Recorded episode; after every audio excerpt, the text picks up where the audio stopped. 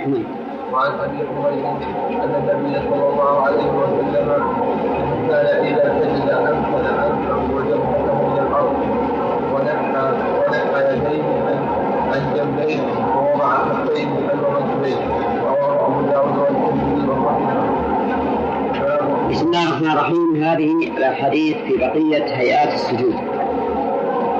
وتقدم كيف الهوي إلى السجود. حديث أبي هريرة وحديث وائل بن حجر. وذكرنا أن العلماء اختلفوا في تخريجهما منهم من سلك الترجيح وقال إن حديث أبي هريرة راجح على حديث وائل. ومنهم من قال حديث وائل راجح على حديث أبي هريرة. ومنهم من يدعي النصر حديث وائل منسوخ بحديث أبي هريرة. ولكن سبق أن كل ذلك لا ليس بصحيح. ولا وأنه يمكن الجمع بينهما وأن حديث أبي هريرة لا يعارض حديث وائل بن حجر. وسبق لنا أيضا أن الرسول عليه الصلاة والسلام كان إذا سجد يجنح في سجوده حتى يرى وضح إبطيه. وأن معنى يجنح يعني يجافي حتى تكون كجناح الطائر الممدود. وأوردنا على ذلك إشكالا وهو أن النبي صلى الله عليه وسلم كان ينهى عن التشبه بالحيوانات في العبادة بل وفي غيرها أيضا. وأجبنا على ذلك بأي شيء؟ لأنه لا مشابهة لأنه لا مشابهة لأن الطائر يمد يمد يديه كاملة مدا كاملا. والمصلي لا يمدها مدا كاملا إنما يمدها بالنسبة للعضد فقط. كذلك أيضا فرق آخر. أن هذا من الراوي تقويم للأذهان وليس أن الرسول عليه الصلاة والسلام قصد بذلك أن يتشبه بالطير. في أيضا فرق ثالث الطائر غالبا يحرك يديه ويضطرب بها والمصلي ليس كذلك. أيضا جواب رابع أن الطائر إنما يمد يديه متى؟ إذا نهض من الأرض. والساجد بالعكس إذا وقع إذا وقع بالأرض ولصق بها. والطائر ينهض.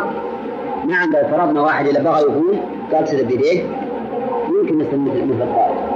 فعلى كل حال الحمد لله الأمر الأمر. لا السنة ما تتناقض في الحقيقة. السنة والشريعة لا تتناقض وإنما بعضها يصدق بعضا.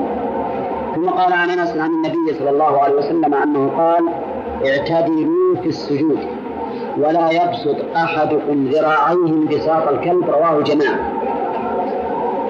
اعتدلوا في السجود يعني من اسجدوا سجودا معتدلا. هذا معنى اعتدلوا في السجود. اسجدوا سجودا معتدلا. وما هو الميزان لاعتدال السجود؟ الميزان أن يسجد الإنسان كما أمر النبي صلى الله عليه وسلم وكما ورد عنه. ومن ذلك أن تكون أعضاؤه معتدلة. لأن ضد ذلك أن لا تكون الأعضاء معتدلة. بحيث مثلا يلصق بطنه بفخذه وفخذه بساقه. فإنه إذا فعل ذلك ألصق بطنه بفخذه وفخذه بساقه. هل تكون أعضاؤه معتدلة؟ لا. وكذلك أيضا المسألة التي أشار إليها النبي عليه الصلاة والسلام لا يبسط أحدكم ذراعيه بساط الكلب. فإن الرجل إذا بسط ذراعيه خرج عن الاعتدال في يديه. لكن إذا أقامها صارت معتدلة تجد الذراع معتدل وتجد العضد أيضا معتدل.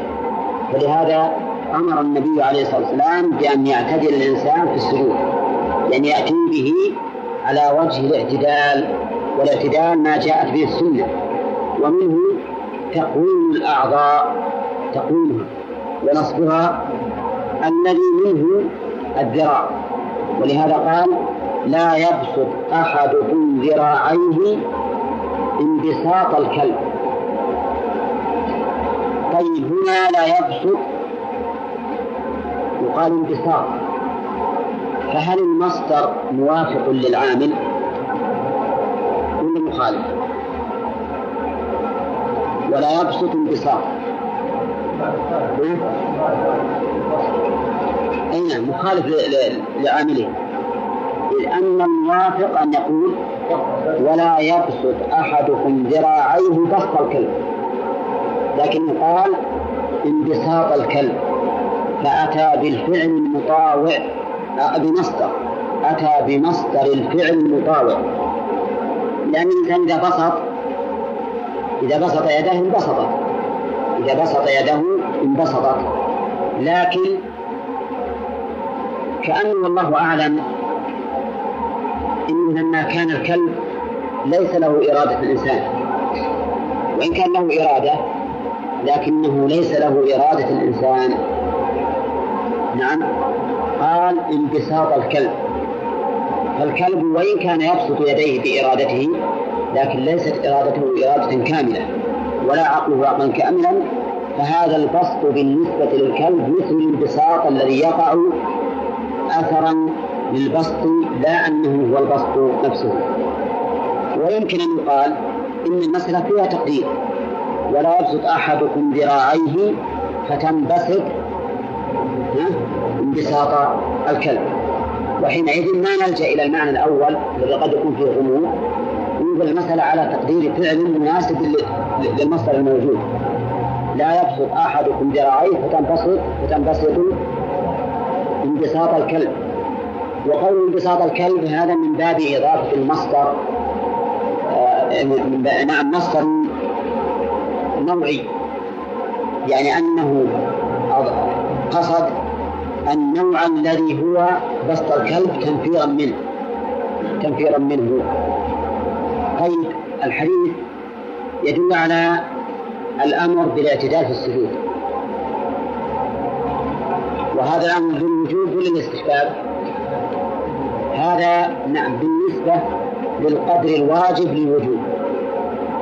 وبالنسبة لما زاد عليه للاستحباب. وإنما قلنا ذلك وإن كان الوجوب شيء شيئا والاستحباب شيئا آخر لأننا نرى أن استعمال اللفظ المشترك في معنييه جائز إذا احتملهما. وقد مر علينا الخلاف في هذه المسألة. هل يجوز استعمال اللفظ المشترك في معنييه؟ أي في كلا المعنيين أو لا يجوز؟ بعض العلماء يرى أنه لا يجوز. لأن اللفظ المشترك يستعمل في أحد المعنيين ويؤخذ بما دل عليه السياق. ويرى آخرون جواز استعمال اللفظ المشترك في معنييه إذا لم يحصل بينهما تناف وهذا أصح.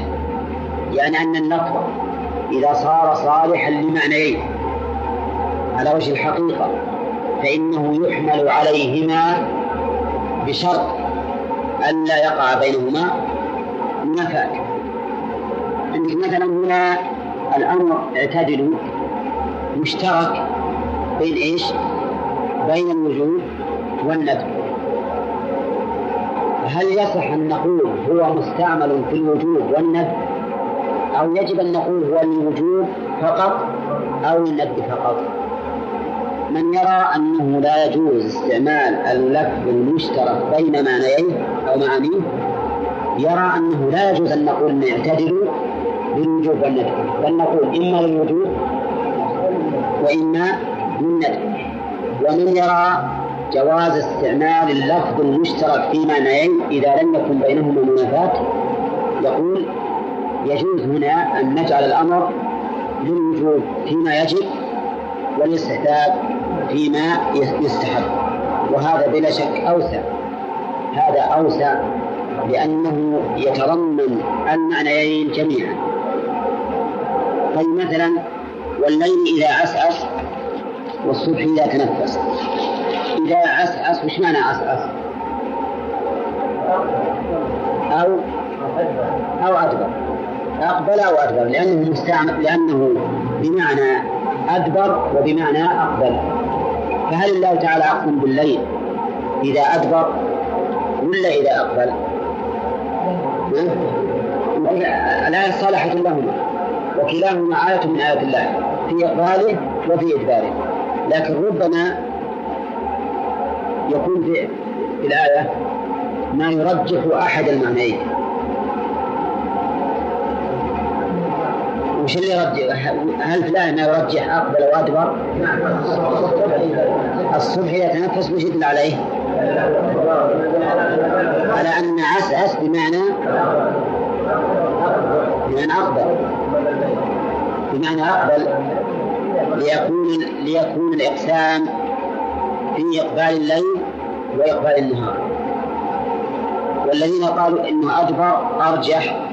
قالوا لأن تنفس الصبح يكون عند إدبار الليل ويكون الإقسام في حال واحدة على حال واحدة. لكن المعنى الأول أقوى لأنه يشمل إقبال الليل وإقبال النهار. طيب الاعتدال الواجب في السجود. بينه النبي صلى الله عليه وسلم في حديث أبي ابن عباس كما يأتي إن شاء الله تعالى في الباب الاتي وفي الحديث أيضا النهي عن بسط الذراعين على الأرض كما يبسط الكلب. نعم. وهذا النهي للتحريم من الكراهة. عندنا أصل أن النهي للتحريم. فهو للتحريم لا سيما وأن الرسول صلى الله عليه وسلم جعله مشابها لانبساط الكلب. ولا شك أنه لا أحد يرضى لنفسه أن يكون مشابها للكلب. لو قلت لهذا الساجد الذي بسط ذراعيه يا شبيه الكلب وش اللي يحصل؟ ها؟ كان تخانق أنت وياه. نعم. إذا فالنهي هنا للتحريم. لأن النبي صلى الله عليه وسلم قال ليس لنا مثل السوء. والمؤمن لا يجوز أن يتشبه بشيء من الحيوانات لا سيما بالكلب الذي هو نجس. طيب قوله انبساط الكلب هل هناك بسط للذراعين على خلاف انبساط الكلب؟ أو هو بيان للنوع وأن أي بسط فهو انبساط الكلب؟ نعم. الجواب أن نقول هذا مبين للنوع وأن أي بسط فهو مشابه لانبساط الكلب. وهذا والله أعلم من الحكمة في أنه لم يقل ولا يبسطها بسط الكلب. لو قال لا يبسطها بسط الكلب كان يقول إن بسطها بسطا آخر فلا نهي. لكن قال لا يبسطها ثم بين أنها تنبسط إذا بسطها انبساط الكلب هذا هذا أيضا تبين لي الآن أن من الحكمة في تغيير المصدر إلى انبساط وأنها بمجرد البسط تنبسط انبساط الكلب طيب إذا تنمي التحريم. ونقول لا يجوز للرجل أن يبسط ذراعيه وهو على الأرض لأن ذلك انبساط كلب ونحن ليس لنا مثل السوء طيب. يستفاد من هذا الحديث بناء على كلمة اعتدلوا في السجود أنه ينبغي للإنسان أن يجعل فخذه معتدلا منتصبا وكذلك أيضا بطنه معتدل لكن هل يمد الإنسان ظهره ولا لا؟ الجواب لا. لا يمد ظهره. قد كان النبي عليه الصلاة والسلام يرفع بطنه عن فخذيه ويعلوه يعني يرفعه. ورفعه ينافي أن يبسطه. خلافا لما نراه من بعض الأخوان المجتهدين إذا سجد فيطول ظهره حتى كأنه قريب الناصر إلى الانبطاح هذا لا شك أنه ليس ليس من السنة بل السنة أن تقيم أعضاءك وأن ترفع بطنك. طيب ما ذكر الحديث حكم الرجلين. حكم الرجلين يعني القدمين قصدي.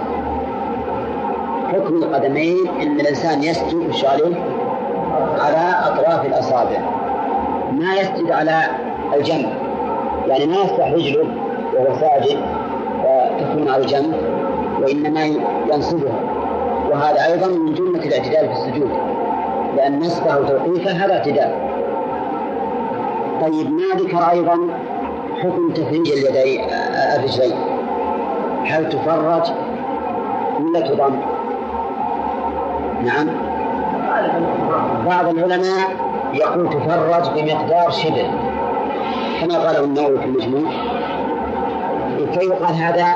بمقدار شبر أيضا وتقدر يحتاج إلى توقيف. أي إنسان يقدر شيئا في العبادة لا بد من توقيف. وقال أولا ما الدليل على التفريج؟ هذه واحدة. والشيء الثاني ما الدليل على أنه بمقدار شبر؟ لأن يجي واحد يقول فرج مرة مثل ما تفرج باليدين فرج بالرجلين. نعم.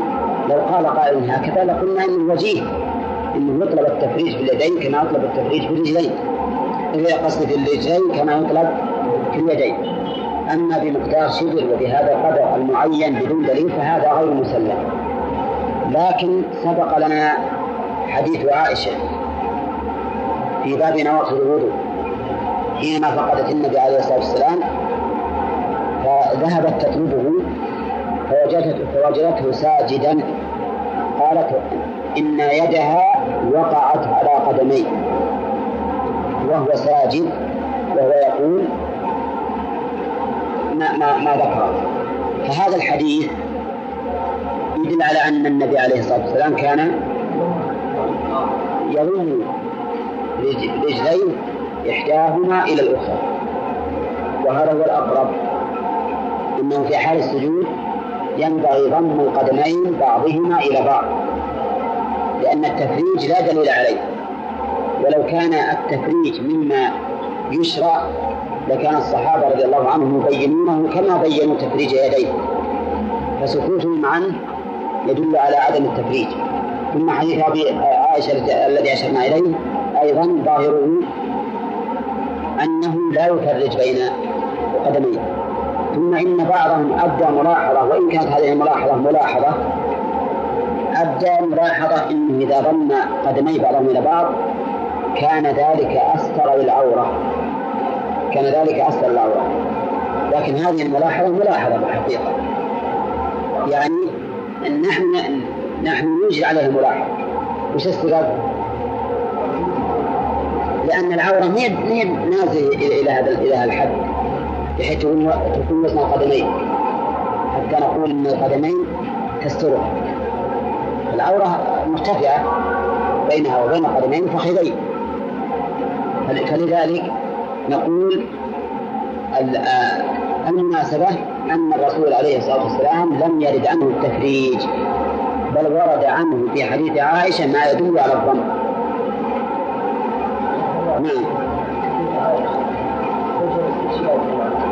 إن إن يوجد يدها أصابت قدميه. ولو كانت متفرجات ما تمسك القدمين كلها ما تحيط بهم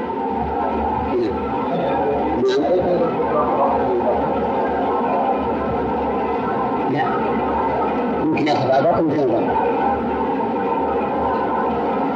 ممكن يرتفع بدون بدون لكن في ملاحظة يعني أنا ما أدري هل الناس يشعرون بها ولا لا. إذا ضم أقوى له يعني أن تعرف السجود. ما أدري وأنا أشعر بها لأني مرتاح بذلك الشيء. إذا ضم الإنسان قدميه بعض البعض يصير أقوى في التحمل في تحمل السجود. يعني ما أدري أنتم تشعرون بهذا أو لا أو لا تشعرون. نعم.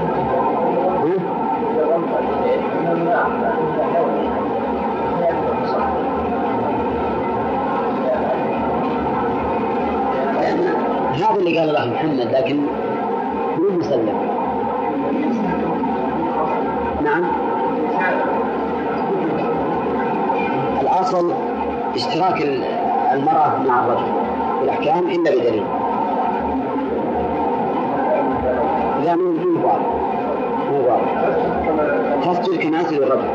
اللهم إلا إذا كان مثل حولها أحد إذا كان حولها أحد يكون مثل في انفتاحها هذا يكون فيه فتنة هذا شيء ثاني. نعم.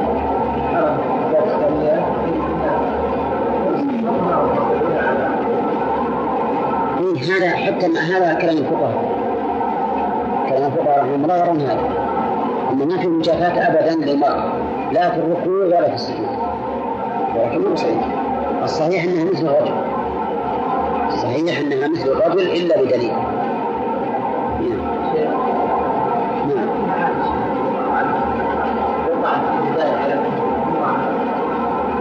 لا لا تقول وقعت يدي على رجلي وهما تعين هذا هو الظاهر؟ هذا هو الظاهر؟ نعم. الركبتين ما أعرف في ذلك سنة هل تفرج؟ ولكن الظاهر أنها تفرج. الظاهر أنها تفرج ما ترم لأن هذا أثبت في السجود لأنك إذا رميتين تتعب جدا. فلا يمكن تستقر الاستقرار التام إلا بتفريجها وذكر الفقهاء أنه يفرج لكن بس لما سنة ما أعرف بهذا السنة الفقهاء ذكروا أنه يتفرج. ما يقال لا ما ما يقال هكذا لأنه هو لازم. لأن طرف الرجلين يختلف عن الركبتين فليس بلازم نعم اي نعم صحيح تبقى الساقان منحرفتين من بعدها لكن ما دام عندنا ظاهر حديث عائشة هذا هو مقدم على الاستنتاج نعم. ما أعرف هذا إذا وردوا بصح فهذا يكون دليل دليل لما قال الفقهاء. يكون دليل لما قال الفقهاء. نعم. والأصابع أيضا تفرد وتجعل وجوهها إلى القبلة. تفرد وتجعل وجوهها إلى القبلة. وعن أبي حميد الساعدي رضي الله عنه في صفة صلاة النبي صلى الله عليه وسلم. سبحان الله العظيم. قال وإذا سجد فرج بين فخذيه. تعجلنا الحقيقة. وإذا سجد فرج بين فخذيه. إيش؟ غير حامل بطنه على شيء من فخذيه. رواه أبو داود عندكم تعليق عليه؟ شو يا محمد الشيخ؟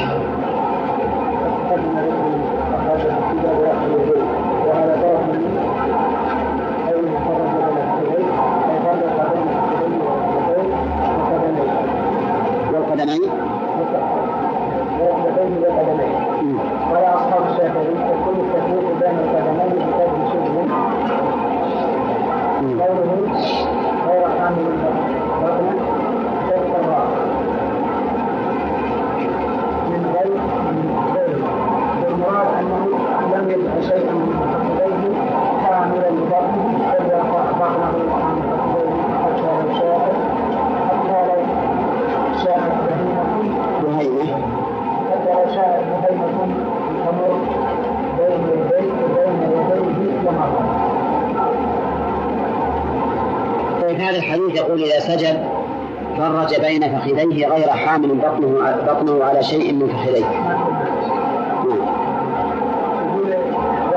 نعم.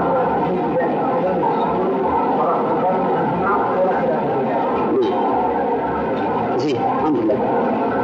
إذا يستحب تفريج بين الفخذين، لكن قول المؤلف والقدمين الحديث لا يدل على ذلك.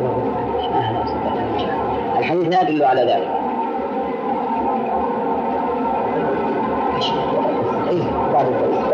طيب يقول إذا سجد فرج بين بين فخذيه غير حامل بطنه على شيء من فخذيه. لأنه إذا حمل بطنه على شيء من فخذيه معناه ألصق البطن بهما. وهذا خلاف ما كان الرسول عليه الصلاة والسلام يفعله. وعن أبي حميد أن النبي صلى الله عليه وسلم كان إذا سجد أمكن أنفه وجبهته من الأرض ونحى يديه عن جنبيه ووضع كفيه حذو منكبيه هذا أيضا فيه ثلاث صفات من صفات السجود. اولا تمكين الأنف والجبهة من الأرض. وهذا واجب. ما يجوز للإنسان أن يجعل جبهته وأنفه تمس الأرض فقط بل لا بد من التمكين. خلافا لما يفعله بعض الناس تجده يخليه يا الله يمس الأرض. ولهذا قال الفقهاء يجب أن يسجد على شيء مستقر. فإن صلى على منفوش ولم يضغط عليه فإن سجوده لا يصح. لا بد أن يسجد على شيء مستقر. وفي أيضا السنة الثانية ينحي يديه عن جنبيه. وسبق أنه صلى الله عليه وسلم ينحي حتى يرى بياض الطيب السنة الثالثة وضع كفيه حذو منكبيه. السجود على الكفين أحد السجود على الأربع السبع. ويضعهما حذو المنكبين. وقد ثبت في صحيح مسلم أنه صلى الله عليه وسلم كان إذا سجد سجد بين يديه. وعلى هذا فيكون في صفة اليدين في وضع اليدين صفتان الصفة الأولى أن يضعهما حول منكبيه والصفة الثانية أن يقدمهما حتى يكون سجوده بينهما. والصفة الأخيرة أبلغ في المجافاة لأن الإنسان إذا سجد بين كفيه وجافى تكون المجافاة أشد وأوسع. لنأخذ الآن الصفات من هذه الأحاديث. أولا صفات الهوي والرفع منه وقد عرفنا أن الأولى البدء بالركبتين. وفي الرفع باليدين. طيب. ثانيا في حال السجود حديث عبد الله بن بحيرة يفيد مشروعية التجنيح وهو عبارة عن شدة المجافاة حتى يرى وضح الإبط ومثله أيضا في حديث أبي حميد الأخير. وفيه أيضا هذه الصفتين الصفة الثالثة الاعتدال في السجود. بأن تكون الأعضاء معتدلة. ليس بعضها مائلا إلى بعض. ومن ذلك اليدان. والصفة الرابعة التفريج بين الفخذين. والخامسة نعم رفع البطن عن الفخذين. قال الفقهاء ويرفع أيضا الفخذين عن الساقين. وما قاله الفقهاء صحيح لأن هذا من باب الاعتدال في السجود نعم.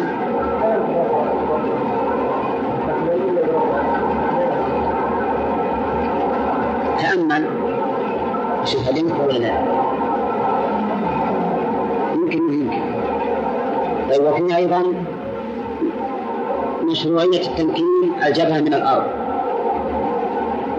وفيه وضع الكفين حذو المنكبين أو وضعهما حذو الجبهة.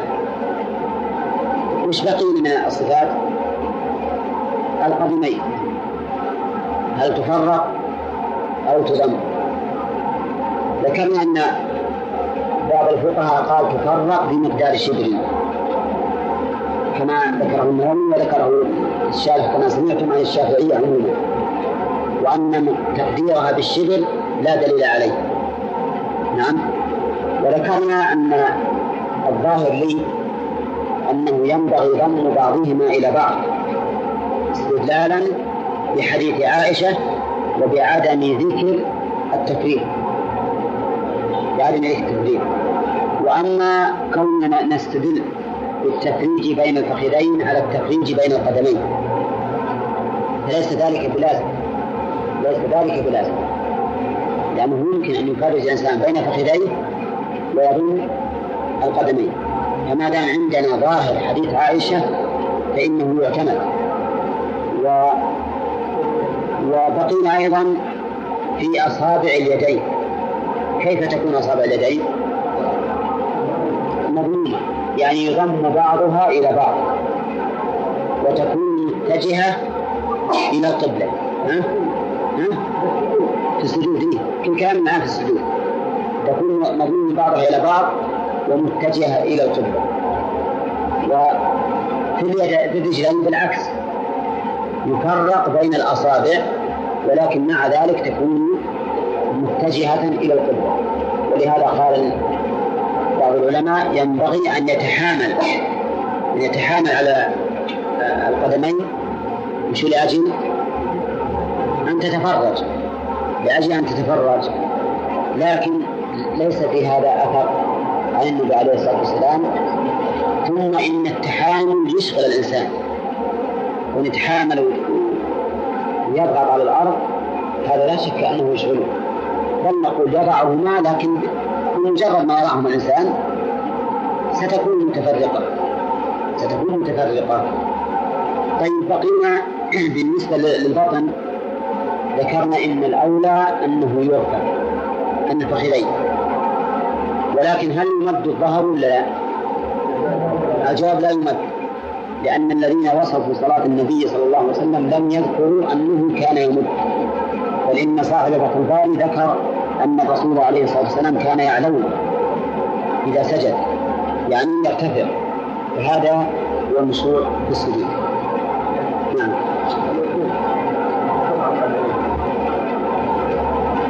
الوقوف الظاهر تفتح لكن فتحا طبيعيا.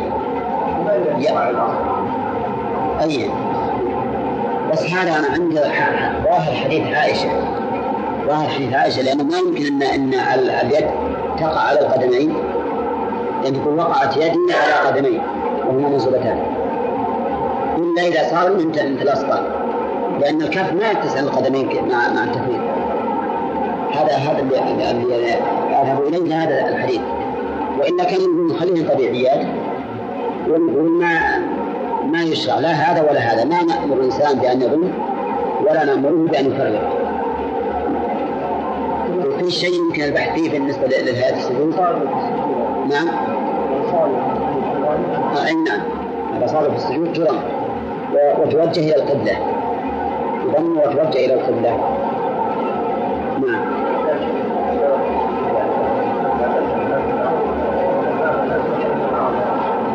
لا ما يعفر إذا أحيانا ارتفع بعضه. لا لا السنة أنه يبقيه على الأرض كله. هنا لا كذا نعم. نعم. لا ما في الصوبة ما في الصوبة لأن هذا مفصل. مفصل دوار. لا أصل بعض الناس الحقيقة بالتفريج تجده حتى يبعد يديه أيضا عن عن حول المنكبين. يبعدهم بالحيل ويلزم من هذا إنه يكون صيغ يلزم من هذا إنه يكون هكذا لكن إذا وضعه الإنسان وضعا طبيعي على حل المنكبين أو على وزن الجبهه الجبهة يفرج يمكن بياض وجهه وهو يلقى. نعم.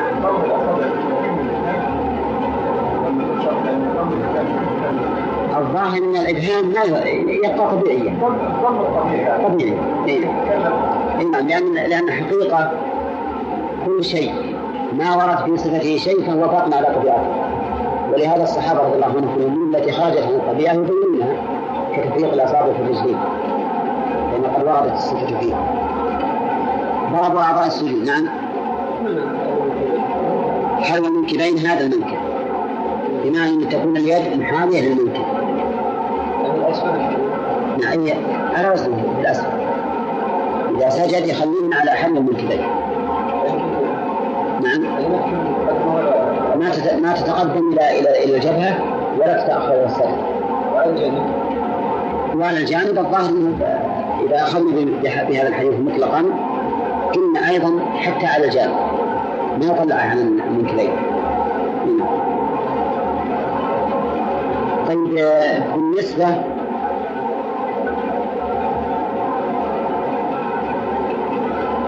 بالنسبة لوضع الرأس. هل يخنع رقبته ولا لا؟ ولا خلى طبيعي لأن بعض الناس يحصر رقبته إذا سجد. يحصرها وبعضهم يخليها مستقيمة هذا أيضا يقول الأصل أن يبقى كل شيء على طبيعته ما لم يرد فيه نص. ما فيه نص بخروجه عن الطبيعة. فالإنسان إذا سجد يمكن جبهته. بعض الناس يخسر رقبته. حتى أنك تشوف قال هكذا رقبته وبعضهم لا. يقيم الرقبة بناء على أن الظهر محتوج بمعلوي يقول هذا هو الأصل.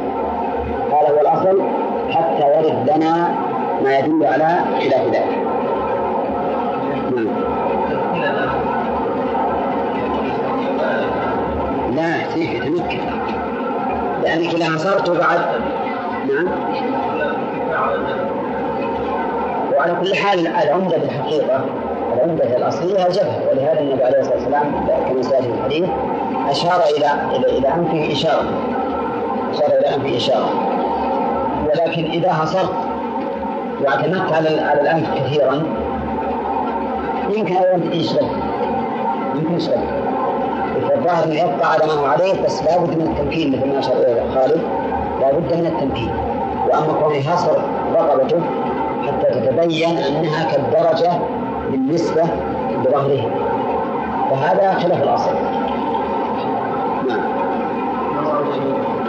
نعم. لا هذا في النار اي ما ورد. إلا في الركوع فقط. إلا في الركوع. المسلمين ما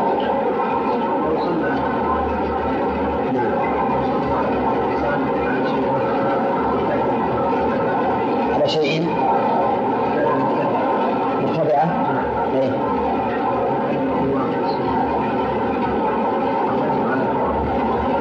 على الأرض؟ يعني على سرير. مثلا لو صلى على سرير العزة يجزي. لكن لا بد أن يمكن جبهته وأنفه لا بد أن يمكن جبهته وأنفه مثل لو صلى بالطائرة الآن. يجوز ولا لا؟ يجوز مع أنها على الهواء. مع أنها على الهواء. والفقهاء رحمهم الله قالوا لو صلى على أرجوحة ما صح. لكن الفرق بين الطيارة والأرجوحة ظاهر الأرجوحة كلما أراد أن يمكن جبهته نزل منه لكن الطائرة ثابتة. وكذلك السفينة أيضا ثابتة. إلا كان يقول بعد السفينة ما تصح لأنها على ماء. الطائرة إذا كان الإنسان يبي يأتي بالواجب يجوز ولو بدون ضرورة. إذا خلى عنه إذا كان يأتي بالواجب يجوز بدون ضرورة. الفرض والنفل يعني لو فرضنا أن الطائرة واسعة يتمكن الإنسان من القيام والركوع والسجود إلى القبلة. فهذه جائزة ولو بدون ضرورة. وقد ذكر لي أن بعض الطائرات الإندونيسية فيها مكان في الخلف. مكان يتسع يتسع لستة مصلين. وأن هذا المكان يتجه دائما إلى القبلة. نعم فيه رمل بلي يدور. لو انحرفت الطائرة ينحرف هو إلى إلى جهة القبلة مثل البوصلة نعم. وأنه جعل للمصلين يذهبون إلى هذا المكان ويصلون فيه. فمثل هذا يجوز ولا بدون ضرورة. أما إذا كانت الطائرة ما تمكن فيها إما من استقبال القبلة وإلا من الركوع وإلا من السجود هذا في النفل لا بأس به. لأن النبي عليه الصلاة والسلام كان يصلي على راحلته حيث توجهت به. وأما في الفريضة فلا يجوز إلا للضرورة. والضرورة هي خوف خروج الوقت. إذا كان يمكن أن تصلي ولو أن تضم الصلاة الأولى إلى الثانية إذا كانت تجمع إليها فإنه يجب الانتظار حتى تهبط الطائرة وتصلي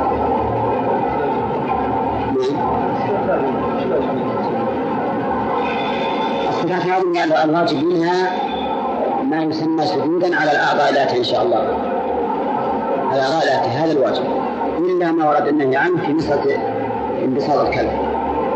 فهذا يصير حرام. يكون حراما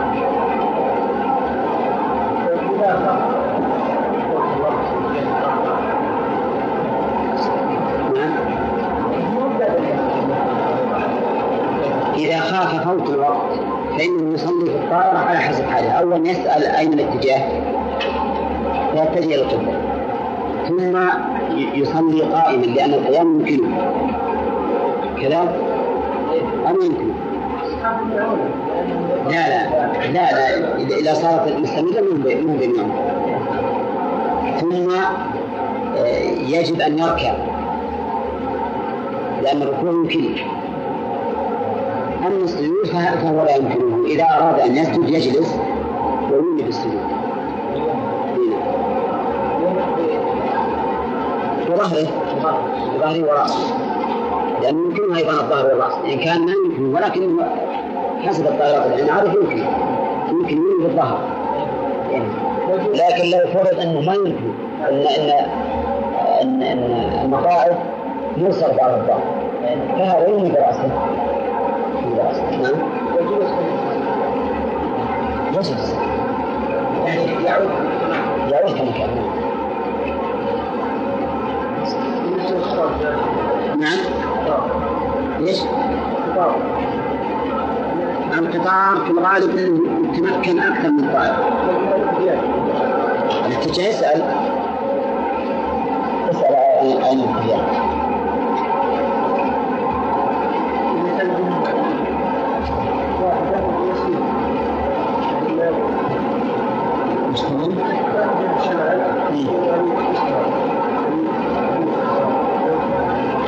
أنت يجب عليك أن تنحرف يجب عليك أن تنحرف القبلة كما هو إذا كان متجه للشمال والقبلة جنوب يعني لازم تصير أنت مخالف للقطار أو يتجه للشمال ويجد الغرب.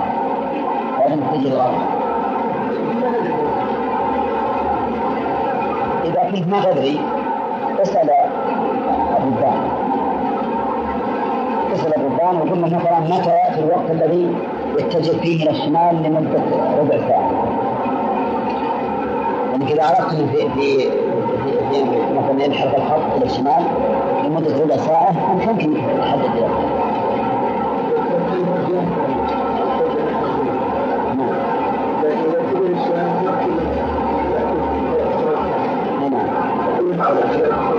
لا الواجب يتجه للجنوب ويصلي حسب المستطاع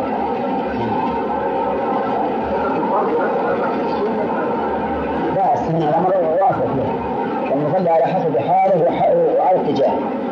جهة القطار أو الطائرة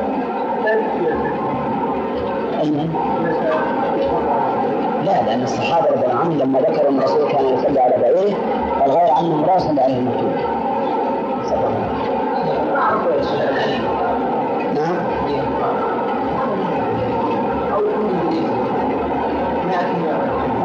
اتق ما استطعت إن وجدت من يهديك إلى القبلة وجد عليك وإلا فانتحر يسقط بالعجز عنه كل الشروط تسقط بالعجز عنه لكن في إشكال في بعض الأماكن بالنسبة للقبلة في محل في الولايات المتحدة. إذا نظرت إلى الخارطة المكورة هذه الكورة. وجدت أنه أقرب إلى مكة إذا اتجهوا إلى الشمال الشرقي. وإذا وإذا نظرت إلى الخارطة المبسوطة هذه وجدت أنهم إذا اتجهوا إلى الجنوب الشرقي هو أقرب. فأين يتجه الإنسان؟ ها؟ إيه لا الكروية لأن هي هي اللي تمثل حقيقة الأرض الأرض ولذلك كانوا بالأول يتكلمون معنا عن الموضوع كانوا بالأول يتجهون إلى جنوب الشرق. نظرا إلى أنه أقرب بحسب الخارطة المسطحة ثم بعد ذلك قالوا ما ممكن قالوا إذا إذا أردتم أن تعتبرون شوفوا خط العراق والعجيب أن هذه القدرة يتجهون هذا الشمال الشرقي ثم بعدين بالنسبة لخط الطائرات تعود إلى الجنوب. تعود إلى الجنوب. إيه، لكن نسيت البلدة اللي هم اللي هم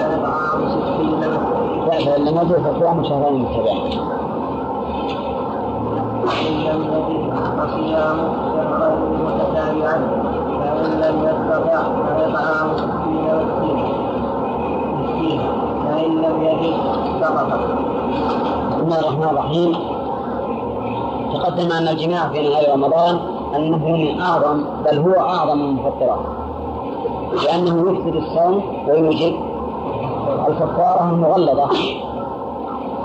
وهي التي سيذكرها وسبق أنها أنه لا فرق في الجماع بين الجاهل والعالم والناس والذاكر والمكره والمختار كل ذلك يحصل به الإفطار لكن إذا كانت المرأة هي المعذورة إذا كانت المرأة هي المعذورة فإنها تفطر ولا ولا تكفر.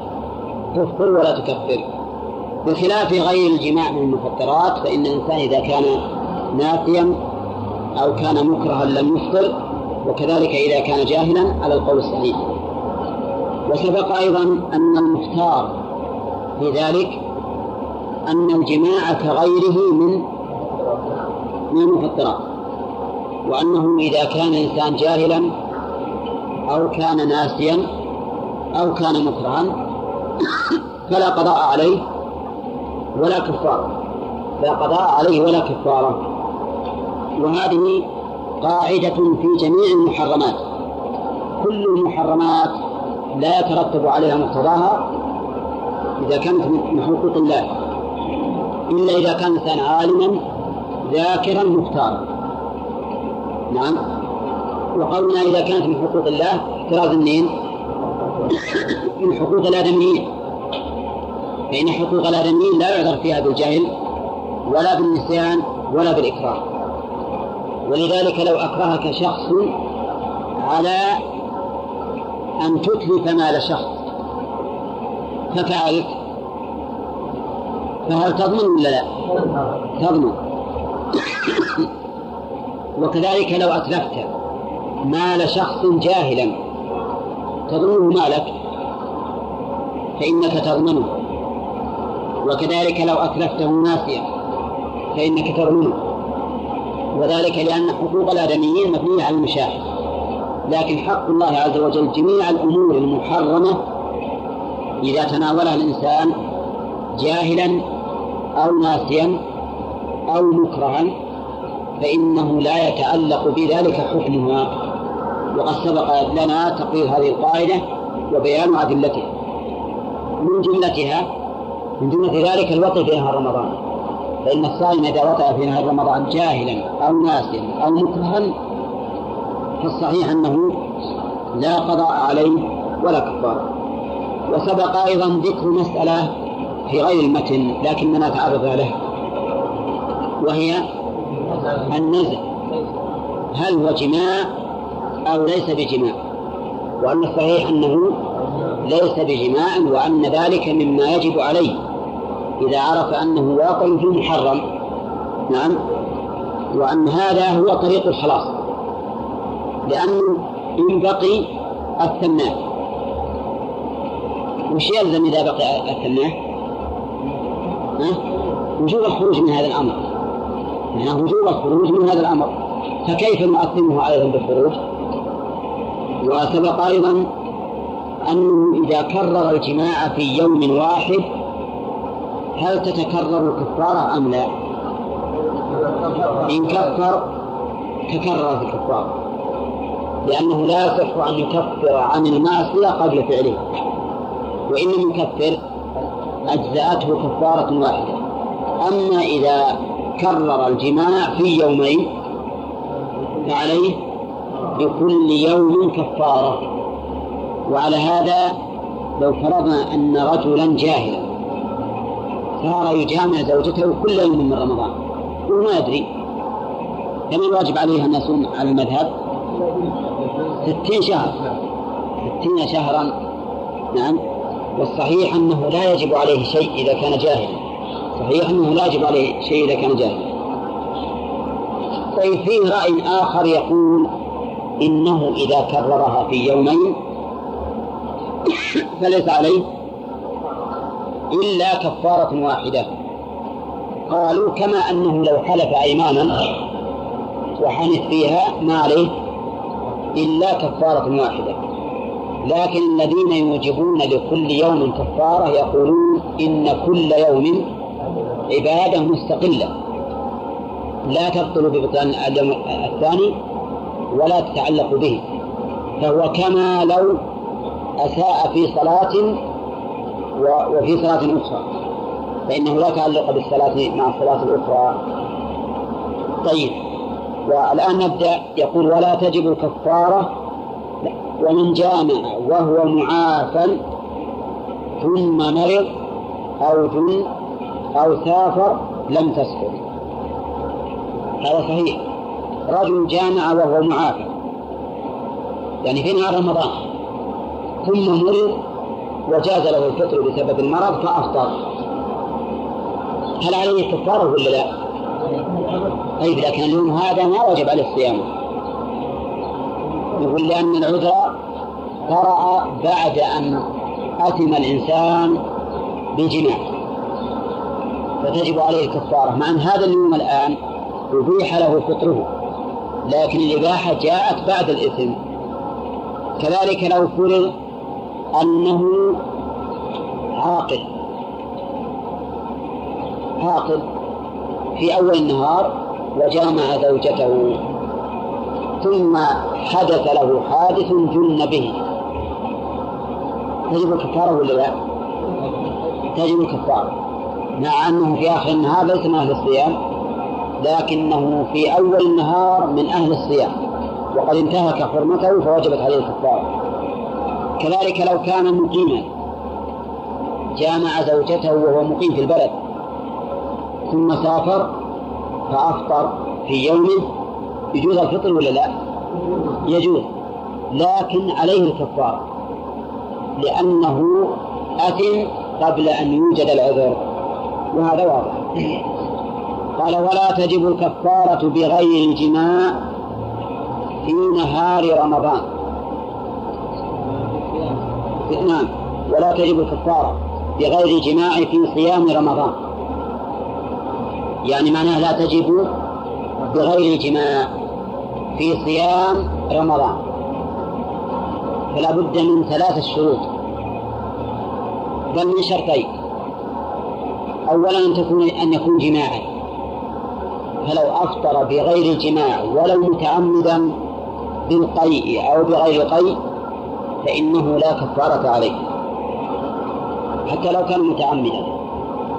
ثانيا لا بد أن يكون في صيام رمضان.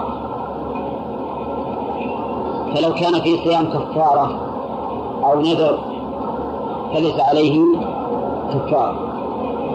ولا بد أيضا من شرط ثالث أن يكون في نفس نهار رمضان في شهر رمضان.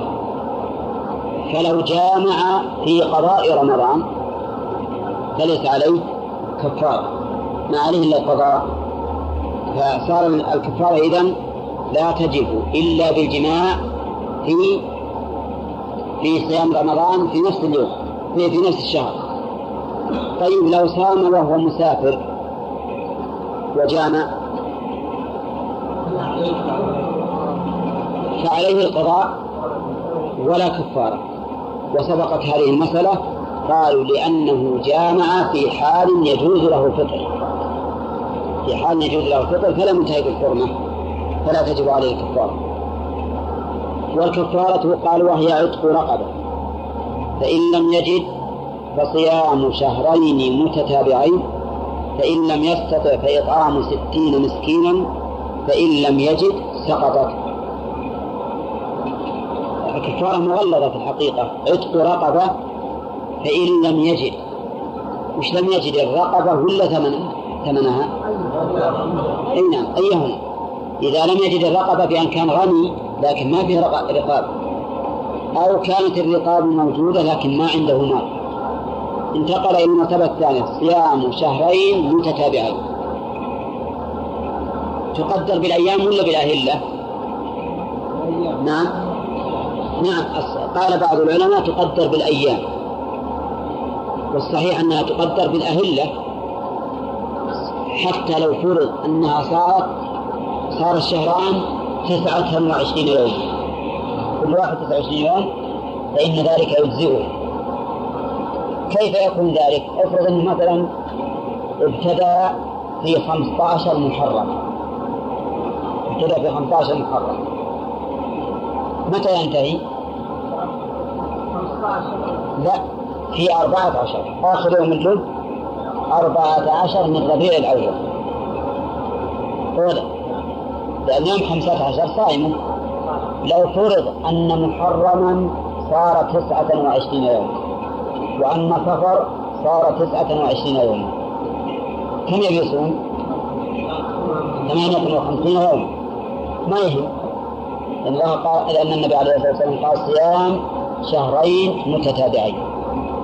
وذهب بعض العلماء إلى أنه إن بدأ من أول ليلة من الشهر اعتبر بالأهلة. وإن بدأ من أثناء الشهر اعتبر الشهر الوسط بالهلال. واعتبر, الطرفان بالأيام ستين يوما. مثلا لو بدأ من خمسة عشر محرم وصار ناقصا. وصفر ناقصا. صفر على كل حال لو نقص محسوب له. لكن محرم نقص. كم يقسم محرم إذا بدأ بخمسة عشر. لا يقسم خمسة عشر. لا إذا بدأ بخمسة عشر من محرم وكان الشهر ناقصا. كم يصوم؟ خمسة عشر. فيصوم خمسة عشر يوما. يأخذ من ربيع الأول كم؟ لا خمسة عشر يأخذ يأخذ خمسة عشر من ربيع الأول ويفطر يوم ستة عشر. يفطر يوم ستة عشر. وإذا قلنا الاعتبار بالأهلة وصام خمسة عشر من محرم وصار ناقصا متى يكون إفطاره؟ يوم خمسة عشر من ربيع الأول. إيه ورغم اختلفت لا. يوم فطر يوم خمسة عشر. إيه يعني آخر يوم يوم أربعة عشر. واضح؟ طيب. المذهب رحمهم الله يرون أنه إن بدأ بالشهور من أول ليلة من الشهر فالمعتبر الأهلة وإن بدأ من أثناء الشهر طبعا الشهر المتوسط بالهلال. والشهر الذي ابتدأ فيه والذي كمل فيه يعتبرونه بالعدد.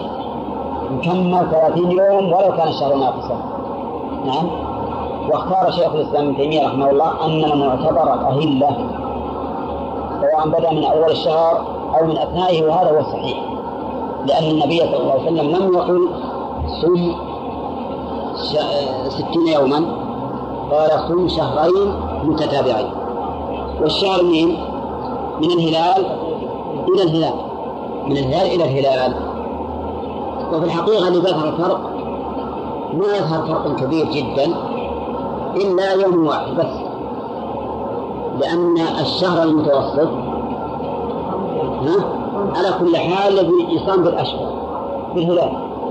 لكن الشهر الذي ابتدأ فيه الذي انتهى فيه هو الذي يحصل فيه الخلاف. ولا يحصل الخلاف أيضا إلا إذا كان ناقصا إذا كان شهر ناقص وإلا اتفق القولين. كذا اسمعين طيب. نعم شلون؟ لا أصله يقولون أن المتوسط بالهلال على كل حال. المتوسط بالهلال على كل حال. يعني ما يمكن من 30 يوم والشهر ما صار 29 نعم. إذا نقص الأول الذي ابتدأ في أثنائه هذا اللي يحصل الخلاف. يعني يتضح الخلاف فيما إذا ابتدأ من أثناء الشهر وصار ناقصا.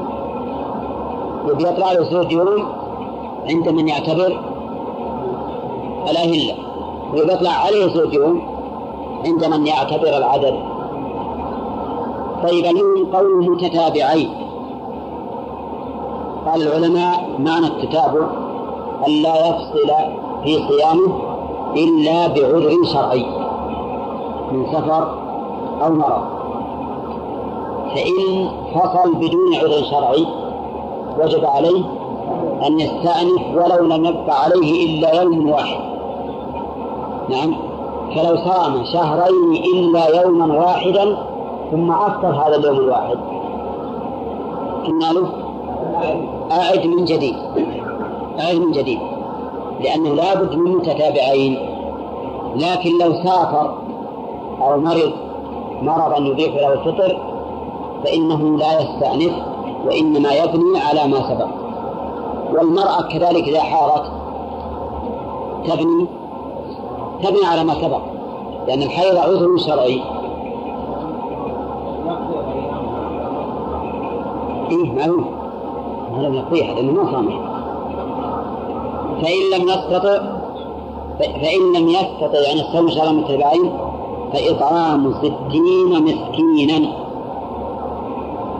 وهذا الإطعام بين فيه قدر المطعم دون الطعام. قدر المطعم دون الطعام. وقد مر علينا أن الكفارات التي فيها الإطعام تنقسم إلى نعم إلى ثلاثة أقسام. قسم قدر فيها الطعام والمطعم. والثانية قدر فيها الطعام دون المطعم. والثالثة قدر فيها المطعم دون الطعام. آه وهذا من باب التجوز تسميتنا الكفارة. بل نقول ما ورد إطعامه مطلقا. فصدقة الفطر. وش ورد فيها؟ تحضير الطعام دون المطعم ولهذا يجوز أن تصف الفطرة الواحدة إلى عدة مساكين. ويجوز أن أن تصف الفطر المتعددة إلى مسكين واحد. والذي قدر فيها المطعم والطعام كفارة الحلق. لا. كفارة حلق الرأس في الحج. بين النبي عليه الصلاة والسلام أنها إطعام ستة مساكين لكل مسكين نصف. والذي فيه فيه المطعم دون الطعام كثير مثل كفارة اليمين وكفارة الظهار وهذه الكفارة. إطعام ستين مسكينا. كم يطعمهم؟ الصحيح أنه غير مقدر الصحيح أنه غير مقدر. أما المشهور من المذهب فإنه مقدر. المشهور من المذهب مقدر بمد طعام من البر ومن غيره نصا والصحيح أنه غير مقدر وأنه إذا أطعم طعام إذا أطعم للمسكين طعاما يكفيه لغدائه أو عشائه أجزأ وعلى هذا فإما أن يسوي طعاما ويدعو إليه ستين مسكين وخليهم يأكلون يشكرون. وإما أن يشتري خبزا وعدما ويوزع كل إنسان يكفيه خبزه ولا خبزتين على حسب الخبز هنا. على حسب الخبز وعلى حسب الآكلين بعض الناس ما يكفي خبزتين لهم أطباق وبعضهم يكفيه أقل المهم على كل حال يعطيه الخبز وإدامة إذا أكله زور يعطيه حتى يشبع. نعم. آه أو يفعل مثل ما أشرنا إليه أولا يغديهم أو يعشيهم وكان أنس بن مالك رضي الله عنه لما كبر كان ما يستطيع الصوم وكان يصنع طعاما ويدعو إليه ثلاثين مسكينا بدلا عن صوم شهر رمضان. فإن لم يستطع فإن لم يجد يعني إن لم يجد إطعام ستين مسكينا سقطت سقطت الكفارة. لقوله تبارك وتعالى فاتقوا الله ما استطعتم. وهذا الرجل لا يستطيع. فإذا لم يجد سقطت. طيب اللي غيرها كفارة تسقط بالعكس ولا لا؟ يقول غير هذه الكفارة لا يسقط بالعكس بل يبقى في ذمته كبين الآدمي. مع العلم بأنهم يقولون اتقوا الله ما استطعتم. وهذه الآية تقضي على جميع الكفارات. إذا عجز عنها فإنها تسقط عنه. لقوله تعالى فاتقوا الله ما استطعتم. استدلوا أيضا بحديث الأعرابي. الأعرابي الذي جامع في نهار رمضان وجاء إلى النبي عليه الصلاة والسلام وقال يا رسول الله هلكت قال ما أهلكت. قال وقعت على امرأتي في رمضان وأنا صائم. قال هل تستطيع؟ رقبة قال لا. هل تستطيع صيام شهر متبعين قال لا. هل تستطيع أن تطعم ستين مسكينا؟ قال لا. فجلس. فبينما هو كذلك إذ جاء الله بتمر. فقال له النبي خذ هذا فتصدق به. فقال الرجل أعلى أكثر مني يا رسول الله؟ والله ما بين لابتيها أهل بيت أكثر مني شوف كيف الطمع. فالأول جاي خايف وراهب والآن طمع بالتمر. فما أحد أكثر منه. فقال النبي صلى الله عليه وسلم أطعمه أهلك. ضحك النبي عليه الصلاة والسلام وقال أطعمه أهلك. لكن أطعمه أهلك. هل هو على أنه كفارة؟ ولا على أن الكفارة سقطت؟ ولا كيف؟ لننظر الذين يقولون إنها تسقط بالعدل قالوا لأن النبي صلى الله عليه وسلم لم يذكر بقاءها في ذمته. ولو كانت باقية لا لا لقال الرسول عليه الصلاة والسلام إذا قبلت فأطعم. والذين قالوا إنها لا تسقط بالعجز إنها لا تسقط بالعجز أيضا قالوا لأن الرسول عليه الصلاة والسلام لما قال له هل تستطيع أن تطعم ستين مسكينا قال لا. فلما جاءه التمر قال له خذ هذا فتصدق به. لو كانت سقطت عنه بالعجز. هل يقول خذ هذا فتصدق به؟ شنو؟ يعني لو كانت الكفارة سقطت عنه بالعجز. لتبين هذا الرجل عاجز ولا قال خذ هذا فتصدق به. لكن يقول خذ هذا فتصدق به دليل على أن الكفارة باقية في ذمته. مع أنه بالأول يقول هذا الرجل يقول لا أستطيع. فلما قال خذ هذا فتصدق به دل ذلك على أنها لا تسقط بالعجز وإلا لكانت ساقطة عن هذا الرجل.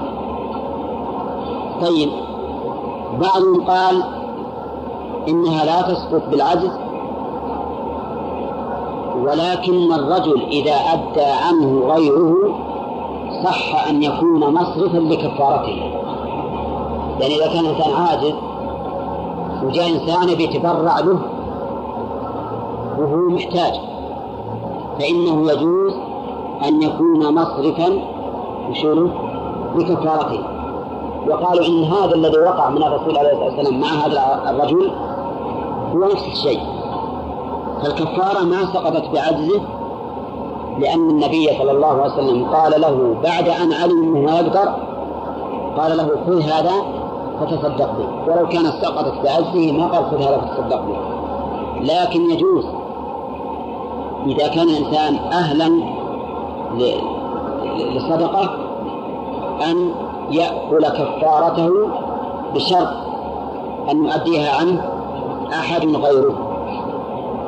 ذهب بعض العلماء إلى مذهب رابع وهو أنه أنها تسقط بالعدل إلا إذا وجد قريبا فإنها لا تسقط. إذا وجد قريبا فإنه لا تسقط. يعني مثلا إنسان عاجز الآن عن الكفارة واستمر عجزه بقي عاجزا فنقول هذا الرجل لا تجب عليه الكفارة. يعني لو أنه أيسر بعد حين فلا كفارة عليه. بخلاف ما إذا كانت المسألة قريبة فإن إذا كانت قريبة فإن هذا الرجل يقال الآن هو في وقت يكون واجدا وقاسوا ذلك على مسألة الصلاة. إذا أخذ الإنسان فيها بركن إذا كانت الصلاة الصلوات ماضية ما يعيد. وإذا كانت حاضرة أعاد بدليل حديث المسيء في صلاته. فإن الرسول عليه الصلاة والسلام أمره أن يعيد الصلاة الحاضرة من الصلوات الماضية. فما رأيكم الآن بين هذه الأقوال الأربعة؟ أيها أقرب إلى الواقع في هذا الحديث ها؟ إنها ساقطة سقوطها يعني طيب إذا قلنا إن الراجح السقوط ماذا نقول بقول الرسول عليه الصلاة والسلام خذ هذا فتصدق منه مع أنه عاجز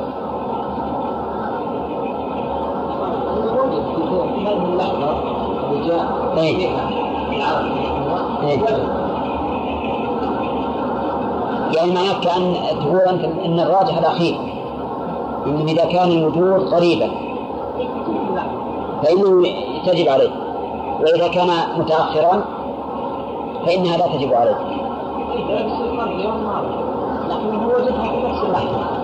طيب إذا إذا قلنا بهذا القول هذا القول بالحقيقة جيد لكن بس يرد عليه أنه ما له ضابط. إلى متى نقول؟ إذا قلنا يوم قال لنا القائل وش دليلك؟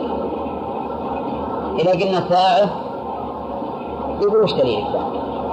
إن قلنا سنة هذا بحقيقة جيد ومؤخذ طيب لا بأس يعني إن وجد في الحال ويمكن أن يتخلص صاحب هذا القول فيقول إن وجد قريبا عرفا وإن حده إلا بالعرف إذا قال الناس الآن إلى الآن وهو لا يزال نادما على على ما فعل وآثار المعصية عليه فإنه يجب عليه. إذا كانت حصلت عرفا بحيث أنه ما ما ينسب هذا الفعل إلى فعله لتباعد ما بينهما فإنها تسقط يعني يمكن أن يتوجه القول على هذا الصفة. طيب والذي يقول لا تسقط ولكن يجوز أن يكون الإنسان مصرفا بكفارته إذا أدى عنه غيره؟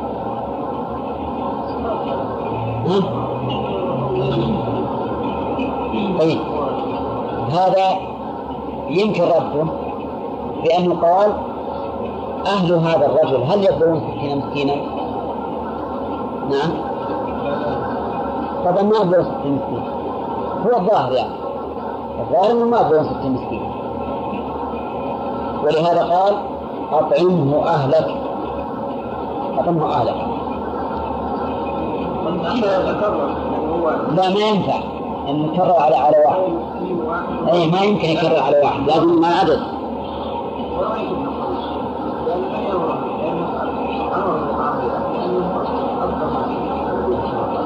طيب؟ لكن لازم من إطعام ستين مسكينا فهل أهل كم ستين مسكينا؟ نعم قال أعطيهم أهلك ما قال تصدق قال تصدق به بالأول ولما قال على أفقر مني قال أطعمه أهلك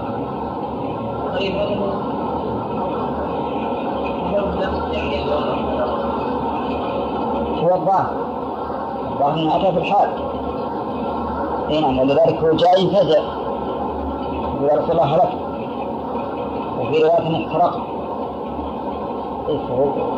ولا هذا ولا هذا اللي قالوه الاسلجيون قالوا اشد من هذا.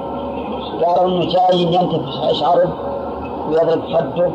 ما أشبه ذلك. هذه ما ما جاءت الا في احاديث ضعيفة. لكن هم جابوا مثال علشان إن الأوصاف الطبيعية ما تقدر في الحكم نعم.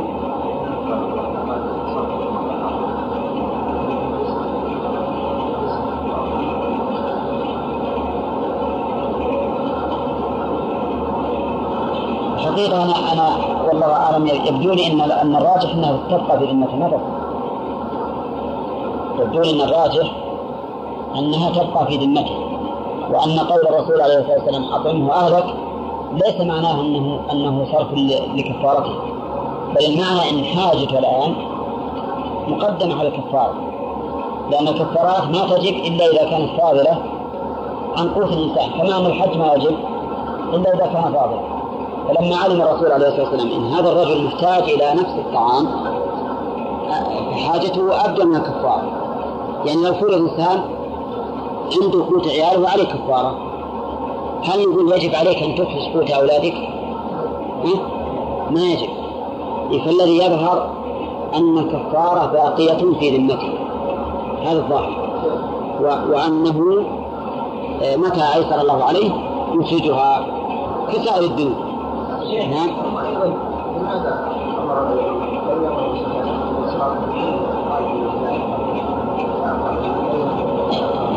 كون جلس هذا مصادفة يعني جالس مع النبي عليه الصلاة والسلام يقول قال ما عندي شيء وجالس نعم. إي نعم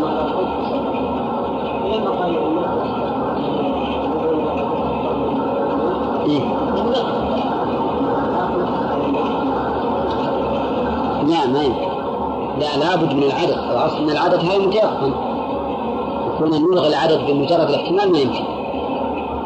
ما فهمت؟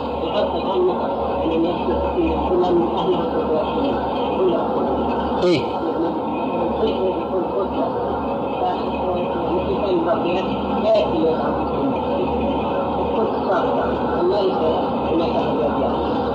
وش تدري هل يكون ثلث ولا ربع ولا أكثر من ذلك؟ إيه على كل حال فهمت لو حلم التمر يبقى التمر معروف لا لا مو خلينا نشوف الآن الحين الحين نحن هل تيقنا من هذا الحديث أن الكفار لا تسقط بالعجز؟ ها؟ إنها لا تسقط إيه؟ أقول الآن إحنا عرفنا من هذا الحديث أن الكفارة لا تسقط بالعجز. قول مين أخذناه؟ من قوله خذ هذا فتصدق بما أنه يقول ما أقدر ما ما أستطيع. ولو كانت الكفارة ساقطة لكان ما قال خذ هذا فتصدق به. لعرف أنه فقير ما يقدر خلاص ما ما له شيء. بس من هذا يؤثر عليه أنه بعض العلماء فرق بين ما إذا وجد عن قرب فإنه يجب عليه. وبين ما إذا وجد بعد حين فلا يجب. الحين يقول هذا التفريق بالحقيقة مو مو بيقين. اليقين أنه إذا عجز ما تسقط عنه لأن الرسول عليه الصلاة والسلام أمره بأدائها مع علمه بأنه لا يجد. مفهوم هذا؟ يبقى النظر إذا كانت لا لم تسقط. فلماذا أمره النبي عليه الصلاة والسلام بأن يطعمها أهله؟ هل لأنه يكون مصرفا لزكاته إذا كان لكفارته إذا كان عادما وتبرع بها غيره؟ وش الجواب؟ لا لأنه يمنعه ما أشار إليه عبد الله الزين وهو العدد ستين مسكينا ولهذا قال أطعمه أهلك يعني لحاجتهم فنقول كون الرسول عليه الصلاة والسلام يأمره بإطعام أهله ليس لأنه كفارة ولكن لأن حاجة الأهل مقدمة على الكفارة. حاجة الأهل مقدمة على الكفارة. وعلى هذا فيكون الأمر المتيقن لنا الآن. الأمر المتيقن أنها تجب ولا تسقط. واحتمال أنها كذا وأنها كذا هذه واردة الاحتمالات لكن نقول الأصل عدمها. الأصل عدمها. وأيضا قياسا على بقية الكفارات لأن بقية الكفارات على المذهب ما تسقط إلا كفارة واحدة أيضا ذكروها تسقط وهي وطء المرأة الحائض. وطء المرأة الحائض يتصدق بدينار أو نصف أو نصفه كما سبق ولكنها تسقط بالعجز. ولا ولا يوجد كفارة تسقط بالعجز على المذهب سوى هاتين الكفارتين. كفارة الوطي في نهار رمضان والثاني كفارة وطء الحائض. نعم.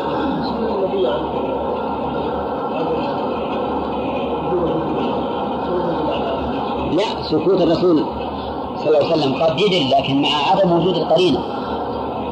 لكن كونه يقول خذ هذا فتصدق به مع علمه بحاجته فقره يدل على ما تصدق. نعم الذي الذي ذكرت قد نقول إن كون الرسول ما قال إذا إذا أيسرت فتصدق. نعم يدل على تصدق قد يقال هذا. لكن يقال هذا مفهوم من كونه عليه الصلاة والسلام أمره أن يتصدق مع علمه بأنه لا يجد شيئا. يكون الأصل بقاء هذا هذا الوجود الأصل بقاء هذا الوجود. نعم.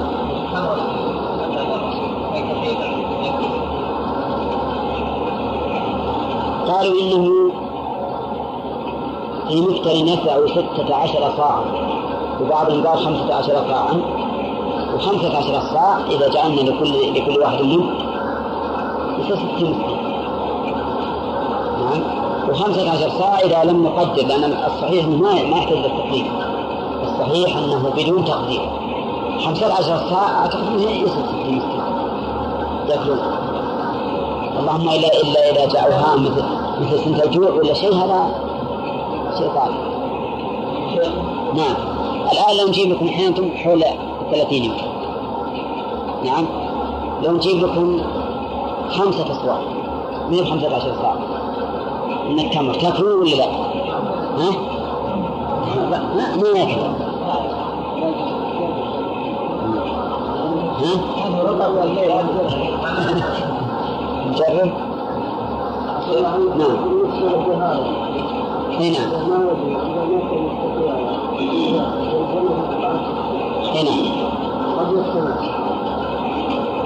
آه، هذه اختلف فيها أهل العلم لأن الله سبحانه وتعالى في كفارة الطهار ذكر وجوب عتق الرقبة قبل التماس وصيام شهرين متتابعين قبل التماس وإطعام ستين مسكينا ما قال من قبل التماس.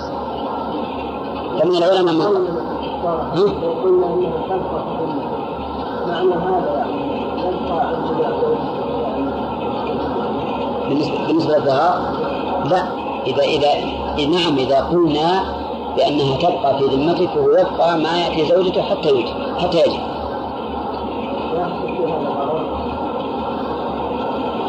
الضرر يمكن إذا إذا صار ضرر يقدر يتسلف ولا يشتري دين ولا وينتهي الموضوع؟ ولا المذهب؟ نعم المذهب يبقى. ويشترطون من قبل التماس. نعم.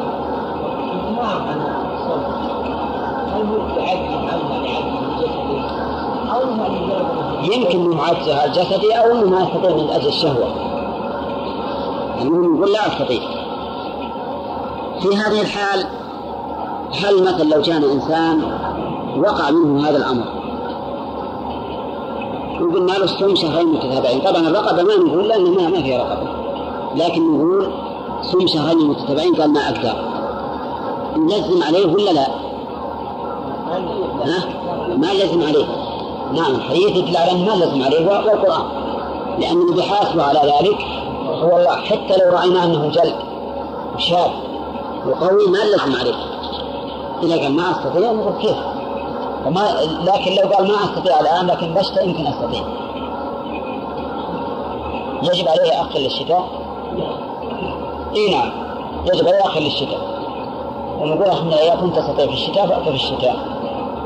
إذا قال ما أستطيع ابدا فإنه نقول حينئذ ما نلزم. لو رأينا إنه جلد شاب وقوي لا نلزمه. هذا أمر فيما بينه وبين الله. كل العبادات الإنسان مؤتمن عليه إلا إذا علمنا أن الأمر على خلاف ما قال لو قال إني أديت مثل زكاتي لفلان. نعم. وجينا فلان قلنا هل أعطاك زكاة؟ قال لا. حينئذ نكذبه وإلا فالأصل أن الإنسان فيما بينه وبين الله مؤتمن على عباداته. نعم. اي لكن كم شهرين متتابعين غير صيام رمضان. اولا إن هذول شهرين متتابعين. وهذا شهر واحد. الثاني إنك لاحظ إن الإنسان إذا صام مع الناس اهون له بكثير. ولذلك في بعض الناس الآن تبلشنا تقول لازم تبي تاكل حبوب علشان تصوم مع الناس. لو إنه إذا قلنا هذا فيه ضرر ويخلف العادة وكذا صارت غلط أنتم تقولوا إنه حرام ما نفعل. قلنا كما حرام ما يهم. نعم. على كل حال الفرق بين الإنسان اللي يصوم مع الناس واللي يصوم وحده فرق بعيد. لا لا. نعم. لا كيف؟ لو يقع ما علم منه. إذا قال ما استطيع نقول ما استطيع ما يستطيع. يقول لا. إيه. هل يعني بمجرد صعوبة أو ها يعني تقول إذا كان انه يشق عليه نفسيا أين اي لا ما يكفي هذا. لابد أن لا يستطيع من حيث البدن لأن لو أن لو لو لو قلنا بأن تفويض الاستطاعة إلى الأمر النفسي نعم وكان حتى الإنسان الذي بعض الناس في رمضان تجد نفسيا ما ما ما يقدر ما وجه يصوم هذا ليس بواضح نعم ما نقول ان اجابه الرسول لعدم علمه بأنه غير بدليل انه قال وهل على أكثر من هذا شلون؟ علم الرسول انه نعم وقال له صدق تعالى نعم لعدم علمه صلى الله عليه وسلم اوجب عليه ثم لما علم انه إيه قال له صدق تعالى إذا أوجبها عليه تصدق بهذا عن الكفارة ما فيها شك. ما تصدق بهذا تطوعا نعم. وجوب القضاء على مثلا الفرق بين يعني لم يصح اول يوم وأنا افطر ثاني يوم نعم قلت قلت يعني اسمه اول يوم اي نعم بدون اثناء جامع أما المذهب فيجب عليه الكفارة يجب عليه القضاء والكفارة هنا أما على القول الثاني ما أدري الجواب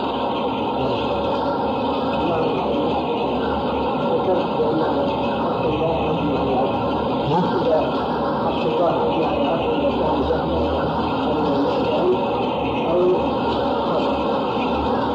إيه هذا في في الأمور المحرمة. أما الأمور الواجبة فلا فلا فلا في هذه القاعدة أي نعم هذا الترك واجب. هذا الترك واجب. الأمور الأمور التي يطلق فعلها لا بد من فعلها. لكن إذا كان قد فات وقتها وهو جاهل فلا فلا يؤمر بها. فلا يؤمر بها. المحرمة لا يؤخذ فيها بالجهل والنساء والإكراه. المحرمات ليش؟ لأن الأمور الواجبة